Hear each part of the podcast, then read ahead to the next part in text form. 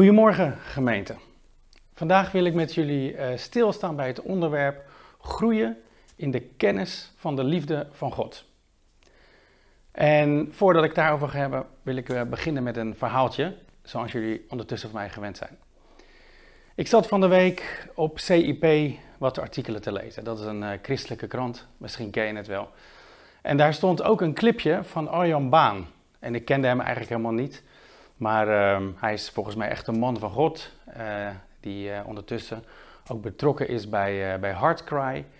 En hij vertelde dat hij uit een wat strenge omgeving kwam, een strenge kerk waar heel veel moest.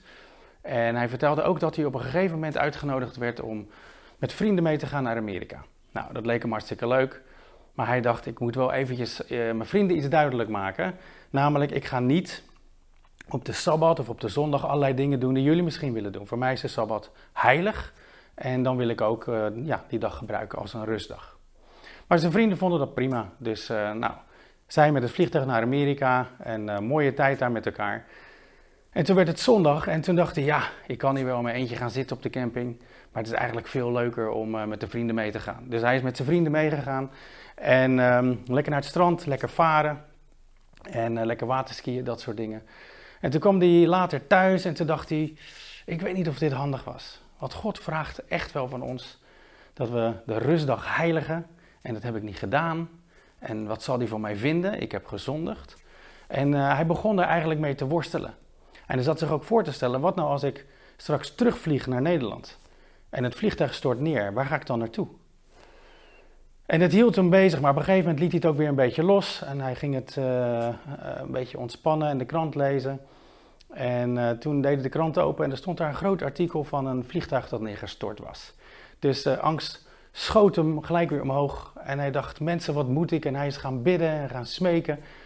En hij deed de Bijbel open en hij deed de Bijbel open bij Romeinen 10. En hij las het vers waar staat, ieder die mij aanroept, zal gered worden. En op een of andere manier kwam dat binnen als een bliksem bij heldere hemel.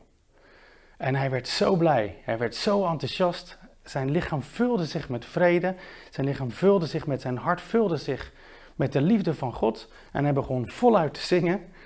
En later vertelt hij eigenlijk dat dat vanaf dat moment uh, zijn geloofsleven enorm gegroeid is. En hij heeft het later ook aan zijn vrienden verteld en zijn hele leven is eigenlijk daardoor veranderd. Ik vertel dit verhaaltje omdat het zo mooi is om te zien dat iemand die zo worstelt met doe ik het goed, dat het juist het lezen van Gods woord is wat ons helpt om te zien wie God werkelijk is. Namelijk, we hoeven maar zijn naam aan te roepen. En daarmee zegt hij, daarmee ben je gered en ga ik voor jou zorgen. Dat is toch fantastisch? Ik heb zeven keer gesproken ondertussen over het leren vertrouwen op God. Oftewel, het lezen van de belofte van wat God ons allemaal wil geven en wie die voor ons wil zijn. En hoe verder wij daarop durven te vertrouwen. En we hebben altijd een beetje zo een zoekspelletje van uh, vertrouw ik op mezelf, durf ik op God te vertrouwen. En God wil ons graag in dat vertrouwen hebben. We hebben het gehad over hoe kun je op God vertrouwen als je in een langdurige crisis zit. Of hoe kun je op God vertrouwen als je iets ellendigs overkomt. Of hoe kun je op God vertrouwen als God je ergens roept, zoals die Petrus uit de boot riep om op het water te lopen. Hoe kun je daarop vertrouwen? We hebben met elkaar ook een oefening gedaan als het gaat over het geven van de tiende. Wat betekent dat voor ons en hoe gaan we daarmee om en wat vraagt God van mij? Maar al die zeven preken, dus die gingen over vertrouwen, die hebben eigenlijk een bepaalde basis nodig. En dat is dat je iemand, en dus ook God, eigenlijk alleen kan vertrouwen als je hem steeds dieper leert kennen en als je gaat ervaren dat er liefde is. Zo is dat met ons ook. Wij moeten, als je iemand leert kennen, uh, iemand steeds beter gaan leren zien wie hij is, voordat we iemand uh, gaan vertrouwen. We moeten eigenlijk, er moet een bepaalde liefde onderling ontstaan om te vertrouwen. En zo is dat ook met, met God. En dat is de basis eigenlijk. En daarom wil ik eigenlijk na die zeven preken stilstaan bij die basis. Ik wil ehm, drie dingen doen. De titel van deze preek had ik al genoemd. Hè? Dat is groeien in de kennis van de liefde van God. Ik wil drie dingen doen. Ik wil iets over mezelf vertellen. Dan wil ik stilstaan bij een obstakel als het gaat over het groeien in de kennis van God.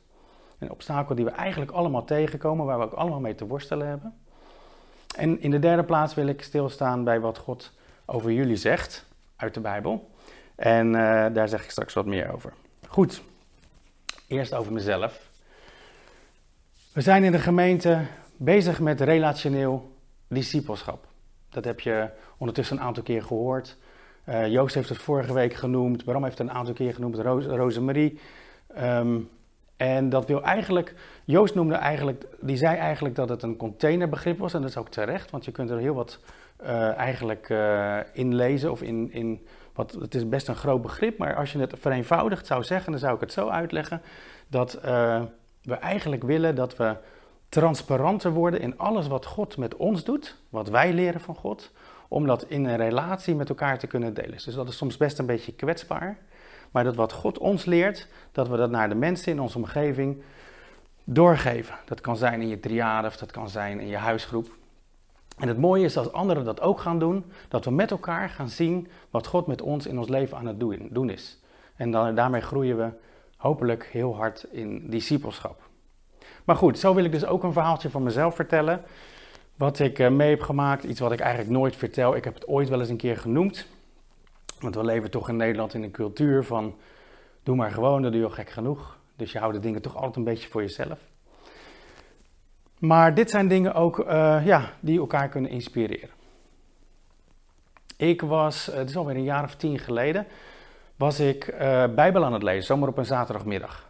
En ik was enthousiast wat ik las. Ik denk dat ik iets van handelingen aan het lezen was. En ik merkte tijdens het lezen dat de Heilige Geest mij inspireerde. Ik was er enthousiast over wat ik las. Ik, was, ik ervaarde blijdschap. Ik had echt een hele goede tijd. En even later dacht ik, hé, hey, wat ik hier in Handelingen lees, dat verwijst eigenlijk terug naar een stukje in Johannes. En toen ik dat gelezen had, dacht ik, hé, hey, zegt openbaring daar eigenlijk ook niet iets over? En van daaruit dacht ik, hé, hey, daar, daar, moet ik eigenlijk eens even iets van Habakkuk of Safanja lezen. En dat kwam allemaal maar zo. En ik niet uit mezelf. En het was alsof de Bijbel en, uh, helemaal open ging en, omdat, en alles met elkaar verbonden was en het één prachtig geheel was. En ik raakte zo super enthousiast. En al die uh, ingevingen, noem ik het maar, van de dingen die ik kon lezen en stukjes openbaring die ik kreeg, nam zo ver toe dat ik het als het ware niet meer kon houden. En ik pakte de Bijbel op ik gaf er een kus op en uh, ik legde de Bijbel weer neer en ik voelde een soort explosie van liefde en vrede in mijn hart. Of dat nou van mijn hart was of van mijn buik, ik weet het niet, maar dat was eigenlijk gewoon in mijn lichaam. En ik voelde ja, dus eigenlijk heel veel moois en heel veel goeds van binnen. Maar in mijn extreme, oftewel mijn voeten en mijn handen, voelde ik een bepaalde kramp. Dus hier heel veel liefde en vrede en in mijn armen, of in mijn, ja, mijn voeten en mijn handen eigenlijk, een bepaalde kramp. En uh, nou goed, dat duurde zo'n 10 minuten, een kwartier. Ik vond het een geweldige ervaring. Maar ik leerde daar eigenlijk twee dingen uit. Het is dus eigenlijk alsof God zegt: Ik hou zoveel meer van jou. Ik hou zoveel meer van ieder mens dan ik kan laten zien. Nu laat ik het je heel even een klein stukje voelen. Maar dat kan ik niet altijd. Want dat is het eerste wat ik leerde. God houdt veel meer van me dan we beseffen en dan we voelen, dan we ervaren. Maar het tweede is, eh, wat ik leerde, is dat God zegt: Ik moet jou vormen naar mijn beeld of naar het beeld van Jezus om je mijn liefde te kunnen laten zien en te kunnen laten voelen. Waarom? Omdat ik merkte op dat moment dat ik eigenlijk grenzeloos werd. Ik ervaarde zoveel van Gods liefde dat ik dacht: wat maakt het allemaal nog uit? Die wet of wat ik doe. Ik had wel zo over straat kunnen rennen, blij en schreeuwend van blijdschap. Maar dat is natuurlijk niet wat God van ons wil.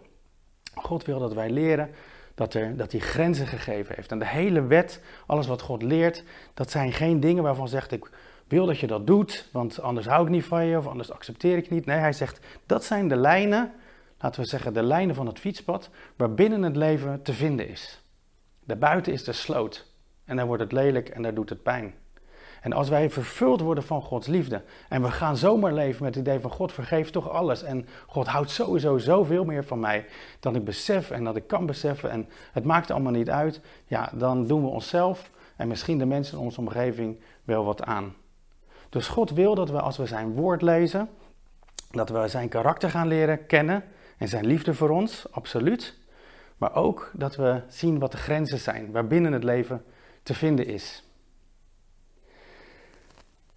En dat heb ik in de jaren daarna ook steeds meer gezien. Dus ik ben natuurlijk, uh, lees je geregeld je Bijbel. Maar ik merkte dat eigenlijk door de leiding van de Heilige Geest, dus ik zou het niet op een papiertje kunnen geven van, van dit soort stappen heb ik meegemaakt. Maar door de leiding van de Heilige Geest kom je op verschillende gedeelten in de Bijbel en sommige dingen spreek je dan ineens heel erg aan en die vertellen je iets over wie God is, over zijn liefde voor jou. En uh, dat kan wel in een, op hele gekke plekken zijn, op een boek Openbaring of Job of Genesis misschien. Maar daardoor leer je wie God is en daardoor leer je de grenzen en daardoor kun je steeds meer gaan groeien.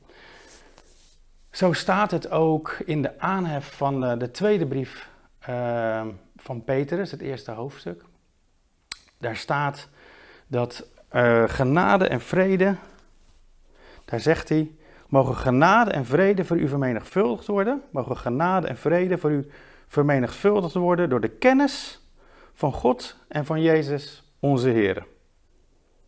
En genade en vrede, dat kennen we omdat dat zo vaak in het begin van een brief staat. Maar eigenlijk is dat heel bijzonder. Eigenlijk staat daar dat hij wenst dat de genade voor ons beschikbaar is. En die is beschikbaar. Oftewel, we kunnen niets verdienen. Alles wat we van God krijgen is allemaal genade. Dus dat is de deur eigenlijk naar uh, het goede van God. Uh, en vrede is een heel omvattend begrip. Dat is niet alleen dat je je niet uh, onrustig voelt, maar dat wil ook zeggen gezondheid en voorspoed en blijdschap en liefde.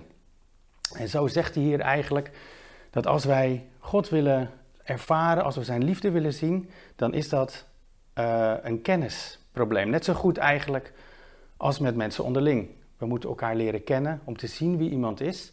Om te zien dat iemand vertrouwen is. Ook de grenzen van iemand weten. Wat vindt iemand wel mooi en wat vindt iemand niet goed of leuk. En hoe meer je van iemand leert, hoe meer kennis je krijgt, hoe meer je ook van die liefde gaat zien. En we vergissen ons daar wel eens in. Want we denken wel eens van ja, ik weet wel wat er in de Bijbel staat.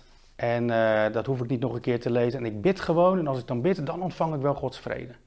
Dan ontvang ik wel van Gods liefde. Dan ervaar ik wel Gods nabijheid. En dat is vaak ook zo, want God geeft dat ook. Maar God laat eigenlijk zien dat er een, een nog betere weg is, of misschien een goede weg daarnaast. En dat is dat we, hoe meer we van Hem leren, hoe meer we over Hem lezen, hoe meer we Zijn woord kennen, hoe meer we ook gaan zien wie Hij is, wat de grenzen zijn. En hoe meer we ook gaan ervaren en gaan zien hoe groot Zijn liefde voor ons is. Want Hij kan Zijn liefde aan ons openbaren op het moment dat wij goed begrijpen wat, wie Hij is en wie Hij niet is. Um, Dus dat is uh, een belangrijke les voor mij ook. En ik denk dat, uh, ja, dat we om de zoveel tijd dat mogen horen ook. Dat het zo belangrijk is om Gods woord te lezen.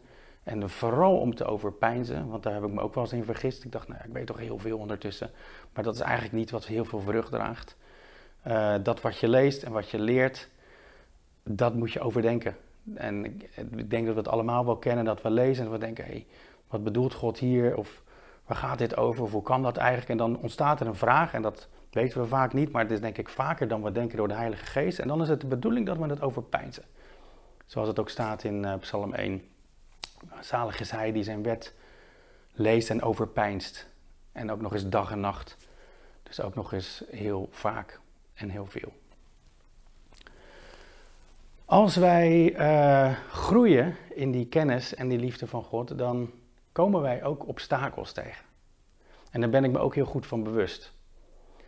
Um, een groot obstakel is bijvoorbeeld, ik evangeliseer wel eens op straat en dan spreek ik mensen aan en dan vraag ik veel, geloof je of heb je daar interesse in, zullen we daar eens over spreken?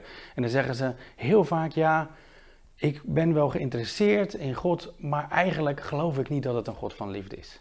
Anders had dat alles wat er gebeurt in Syrië toch niet gebeurd. Of kijk naar de Tweede Wereldoorlog. Of kijk naar de coronacrisis en al dat soort dingen. Als het echt een God van liefde was, dan had hij dat toch kunnen voorkomen. Een ander obstakel is dat je zegt van... Ik heb zoveel ellende gezien bij een neef of een nicht of een familielid... of zelfs in mijn eigen leven... dat ik het moeilijk vind om God te zien als een God van liefde. En ik kan me ook nog voorstellen dat je zegt: Ik zit al zo lang in een crisis, in een vervelende situatie. Ik wil zo graag dat mijn situatie verandert. En al jaren en jaren verandert er niks. Als God echt liefde was, dan had hij daar toch wat aan gedaan. En al deze ik bedenk me er eigenlijk nog één. ehm, en dat is dat als we Gods woord lezen. Zelfs dan kunnen we denken, als God liefde was, dan stond dit er toch niet. Denk aan bijvoorbeeld de zonvloed. Of denk bijvoorbeeld aan het boek Openbaring. Of denk bijvoorbeeld het boek Job. Of denk bijvoorbeeld aan de Israëlieten die het beloofde land binnenkwamen en eh, ja, die andere volken moesten ruimte maken. Dat zijn allemaal moeilijke dingen om te begrijpen. En ik heb daar ook niet echt een rond antwoord op gekregen voor mezelf. Ik heb daar wel veel naar gelezen en veel over nagedacht. En voor mij is het ware voor een groot gedeelte helder geworden van wat Gods motivatie is en waarom dat allemaal uh, moest gebeuren. Maar ik kreeg het nooit echt helemaal rond. En ik heb op een gegeven moment deze conclusie getrokken en ik denk dat dat ons heel erg helpt. Namelijk dat God zegt, uh, al zo lief heeft God de wereld gehad, dat hij zijn enige geboren zoon gegeven heeft. Opdat ieder die gelooft niet verloren gaat, maar eeuwig leven heeft. En dat doet voor mij eigenlijk de deur dicht van al die vragen. Dat ik denk, nou, ik geloof dat God wel het voordeel van de twijfel verdient. Als je zo intens en zo allesomvattend je eigen zoon geeft voor het leven van iemand, dan kunnen al die vragen, ja, die kunnen wel eventjes geparkeerd worden.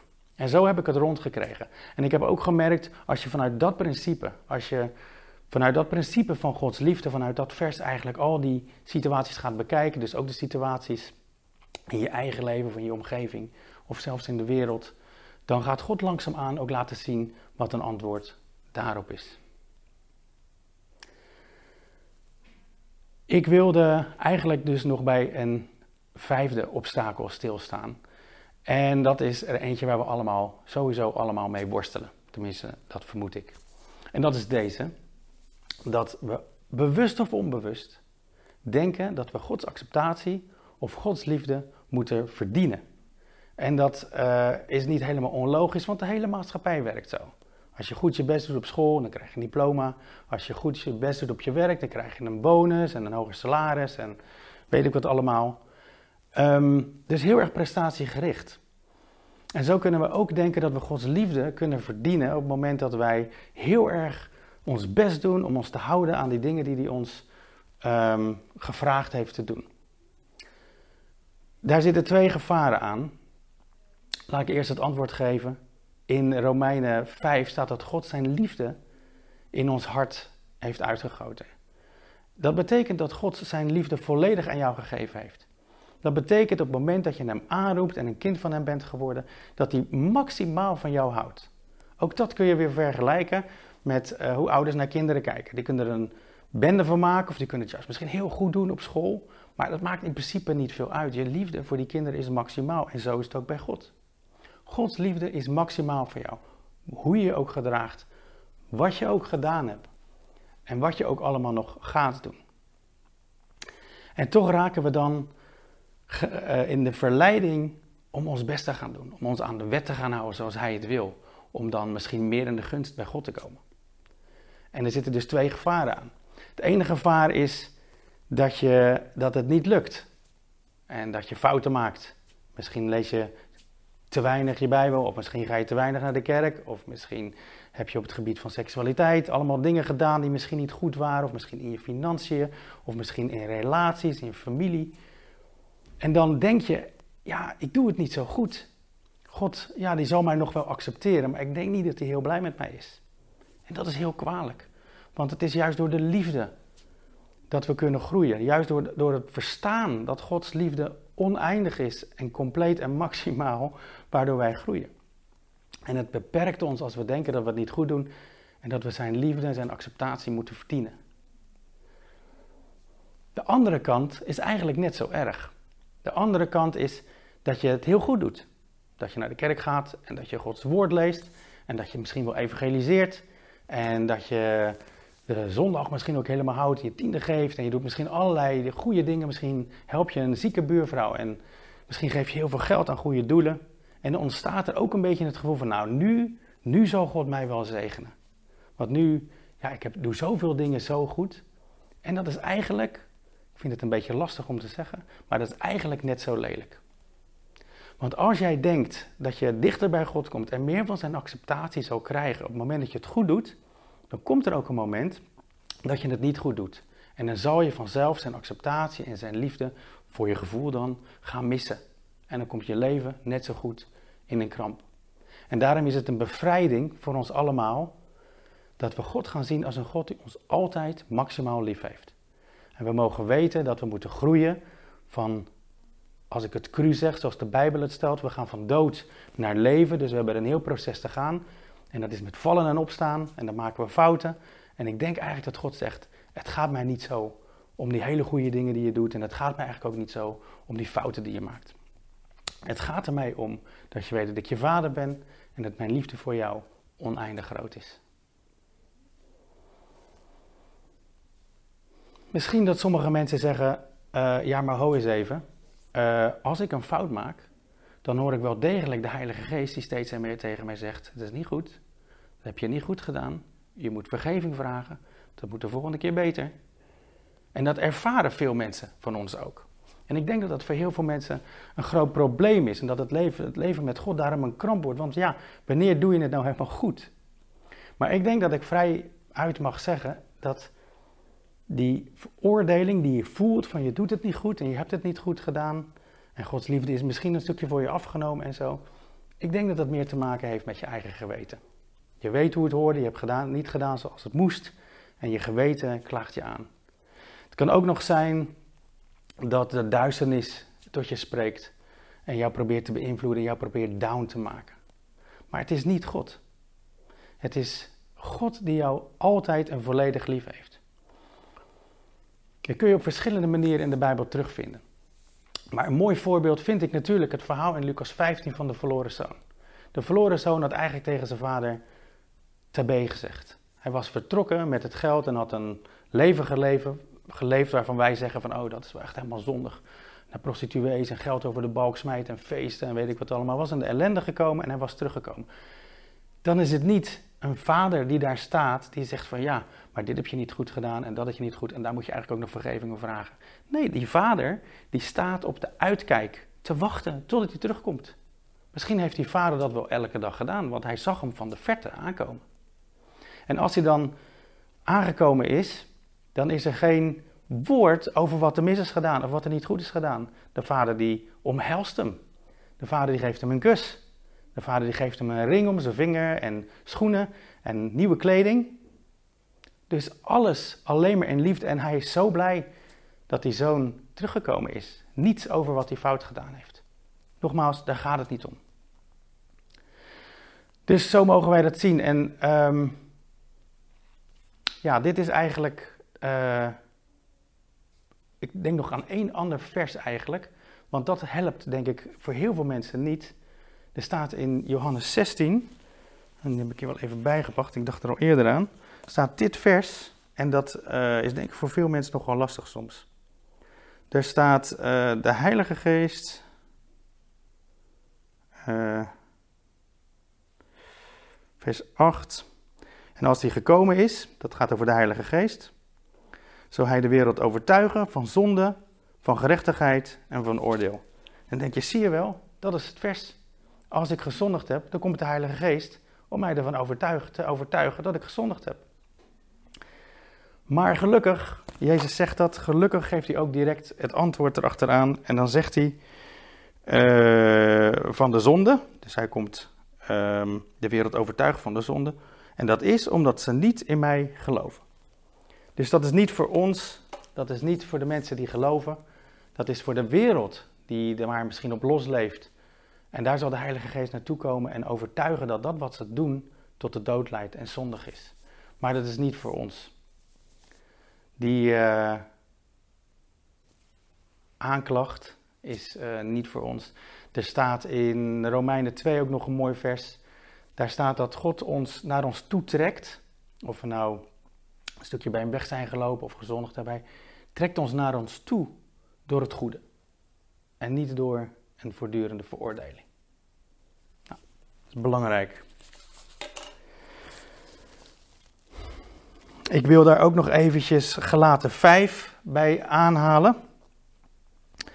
Uh, en dat is, daar staat um, dat we de kracht hebben om te groeien naar God toe.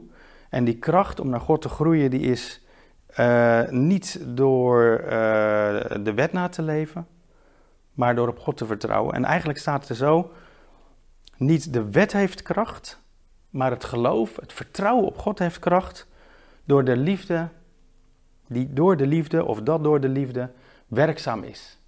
Oftewel, op het moment dat wij steeds meer van Gods liefde gaan zien en weten dat er geen oordeel is over de dingen die we goed doen of fout doen, maar weten dat Gods liefde de basis is van alles, dan gaan we God vertrouwen en dan gaan we steeds meer en steeds mooier met Hem leven. En ook het mooie is, nog even in het kader van relationeel discipelschap, om dat dus met elkaar te doen. Dan kom ik bij het uh, derde stukje en dan gaan we alweer afsluiten. En het derde stukje was dat ik iets over jullie zou zeggen. En ja, ik kon het niet laten, als ik het heb over groeien in de kennis van Gods liefde, om gewoon een aantal Bijbelteksten uh, op papier te zetten en daar met elkaar even bij stil te staan over hoe groot Gods liefde voor ons is.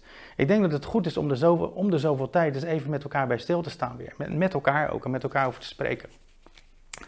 Er is zo'n brief, een artikel ooit geschreven, dat heet uh, De Liefdesbrief van God. Er staan er een heleboel achter elkaar, die moet je maar eens opzoeken. En daar heb ik er ook een aantal uitgehaald, ik heb er ook een aantal zelf bijgezet. En ik ga gewoon eens eventjes een aantal Bijbelboeken door, een aantal teksten. En uh, besef dat God dat allemaal over jou wil zeggen. Psalm 139. Daar staat dat God alles over je weet. Hij weet wanneer je gaat zitten, hij weet wanneer je gaat opstaan. Alles wat je doet, dat is bij hem bekend. Is dat niet fascinerend? Waarom moet God weten wanneer je gaat zitten of gaat staan? Ik denk dat dat echt iets zegt over hoe intens en hoe intensief God jou lief heeft. Dat hij gewoon alles van je wil weten, ook dat soort kleine dingen. Er staat in Psalm 190 dat je, 139 dat je prachtig bent gemaakt. Dat hij degene is die jou in de buik van je moeder gemaakt heeft. Psalm 37 zegt dat hij jou verlangens heeft gegeven in je hart.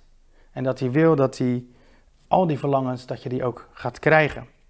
En dat staat ook in Psalm 145, daar staat het mooi, dat God vervult, staat er, God vervult het verlangen van alles wat leeft.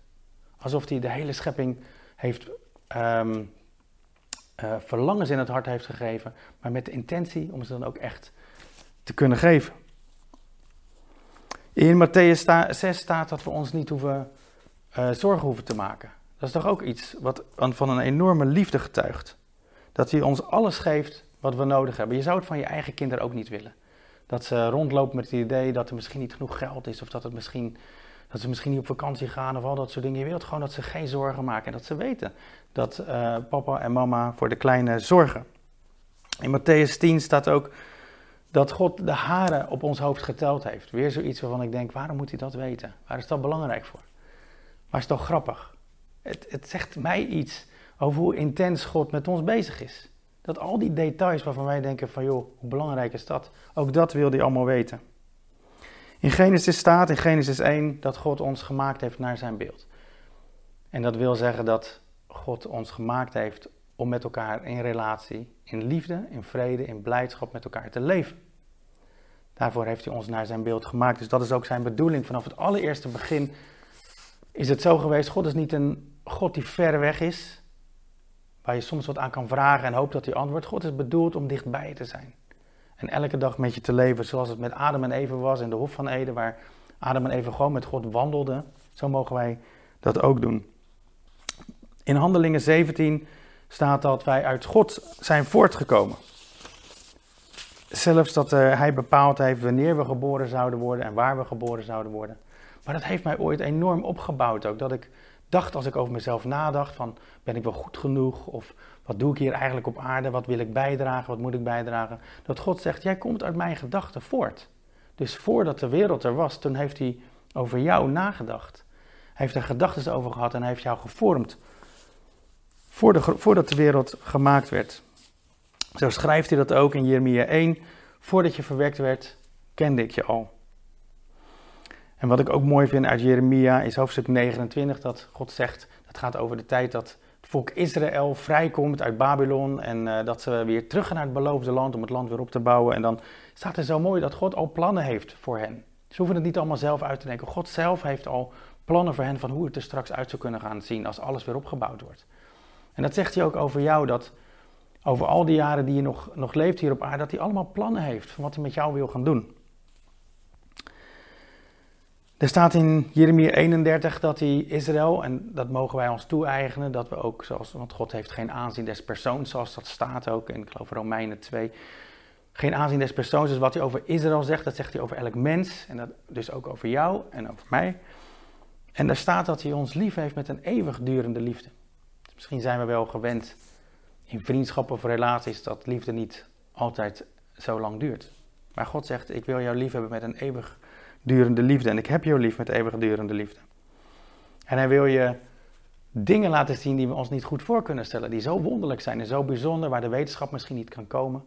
God zegt, ik wil je grote en verbazingwekkende dingen laten zien. Jeremia 33. En, Johannes 4, uh, eh, voor mij een superbelangrijke tekst ook waar deze preek misschien wel op gebaseerd is.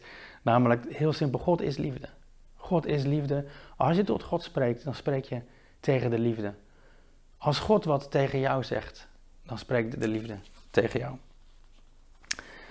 Wat ik ook fascinerend vind, is wat we in Sefania lezen, Sefania 3. Daar is God zo blij met Israël. En dat, is dus hier ook, dat kan hij dus zijn over elk mens, dus ook over jou. Dat God zegt, ik zing een lied over jou. Kun je het je voorstellen? een heilig God. Met zoveel tienduizenden engelen om zich heen, in glorie en kracht, als we zoals we dat lezen in openbaring. Dat God zegt, ik vind je zo fantastisch, ik zing een lied over jou. Denk er maar eens over na. Kan je dat accepteren, dat dat misschien zo is? In Efeze 3 zegt God dat hij oneindig veel voor ons zou willen doen. Dat hij oneindig veel meer voor ons zou willen doen door de kracht die in ons is, staat er achteraan. Dus hij heeft ons de geest gegeven, hij wil ons op ideeën brengen, hij wil ons vertrouwd maken met hem. En dat wat hij ons gegeven is, door ons heen wil hij ons leven geweldig maken, in ieder geval veel meer doen dan wij kunnen denken of beseffen. In 2 Korinthe 1 staat dat uh, God de Vader je ook altijd wil troosten in je verdriet, gewoon altijd.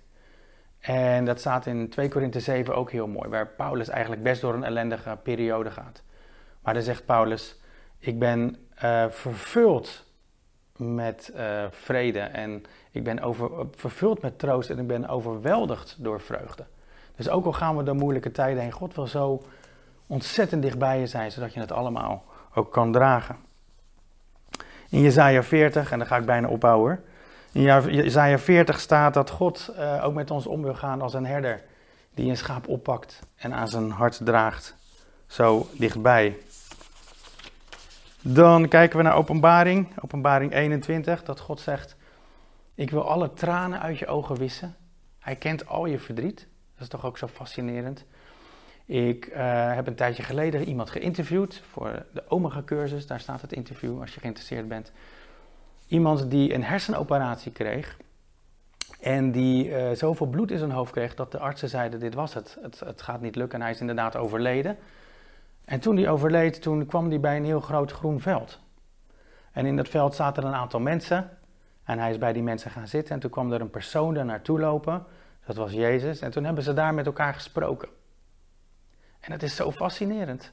Dat Jezus zoveel tijd neemt en zoveel rust dat hij gewoon naast je komt zitten om met je te praten. En dan moet ik aan denken als hij zegt, ik zal de tranen van je ogen wissen. Ik denk niet dat hij zegt van boem, je bent alles vergeten en nu kun je blij zijn. Ik denk dat hij samen met jou gaat zitten. Om al die moeilijke dingen die je in je leven hebt meegemaakt en al die rouw en dat verdriet wat je misschien bij je draagt, dat hij daar met jou over zal spreken. En hij zal met je omgaan als een heel mens, geest, ziel en lichaam. Dus niet boem, alles weg, maar hij zal met je spreken en hij zal je vertellen hoe hij over je denkt en waarom dingen misschien gebeurd zijn. En nou goed, ik weet allemaal niet wat hij zal zeggen, maar hij zal de tranen voor je ogen wissen. In openbaring staat ook dat hij zelfs alle pijn en verdriet en alle de rouw weg zal nemen. In Johannes 17 staat dat God, dat, dat kan ik ook niet bij, dat God zoveel van ons houdt dat hij evenveel van jou houdt als van Jezus. Kun je dat voorstellen? Dat is toch fascinerend ook, hè? Ehm, en hij heeft gebeden, Jezus, in het hoge priestelijk gebed, ook Johannes 17, dat God zijn liefde in ons zou geven. En daar had ik het net al over. Romeinen 5 staat ook dat God dat later gedaan heeft. Dat we zijn liefde volledig ontvangen hebben. God heeft zijn liefde in ons hart uitgegoten. Het betekent niet een beetje, maar zoals ik al zei, alles. Maximaal, al is het soms misschien moeilijk te begrijpen. En hij houdt zoveel van je. Ik was net al eventjes uh, bij Lucas 15, het verhaal van de verloren zoon. Hij houdt zoveel van je dat als je fout hebt gemaakt, dat hij misschien wel zegt van, ik wil het er helemaal niet eens over hebben. Ik ben zo blij dat je weer bij me bent. En het mooie is, hij geeft je niet alleen een ring en schoenen en een kleding. Hij geeft je niet alleen waardigheid en liefde en een omhelzing. Maar daar begint het pas. Want hij zegt, nu gaan we feest vieren. Hij gaan we, nu gaan we feest vieren omdat ik zo ontzettend veel van jou hou en ontzettend blij ben dat je weer terug bent.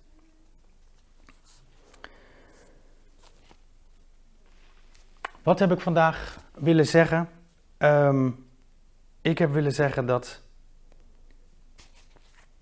wij groeien in de kennis van God door zijn woord te lezen.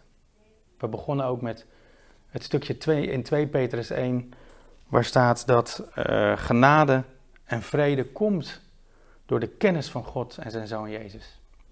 Wij mogen groeien en daarom is het belangrijk dat wij met z'n allen vaak de Bijbel lezen. Uh, omdat er zoveel diamanten voor ons klaar liggen. En als we dat doen en we kunnen dat doorgeven met aan elkaar, dan zullen we met elkaar groeien in de kennis van Gods liefde. Ook in de kennis van Gods heiligheid. Die lijnen, die, fiets, die lijnen van het fietspad waarbinnen moeten we moeten fietsen. Maar dan zullen we steeds weer met elkaar van Gods liefde gaan houden. Uh, van gaan, zijn, gaan zien. En het tweede wat ik gezegd heb, is dat uh, bij dat obstakel, dat Gods liefde niet afhankelijk is van jouw eigen manier van leven. God houdt altijd maximaal van je. En daar wilde ik mee afsluiten.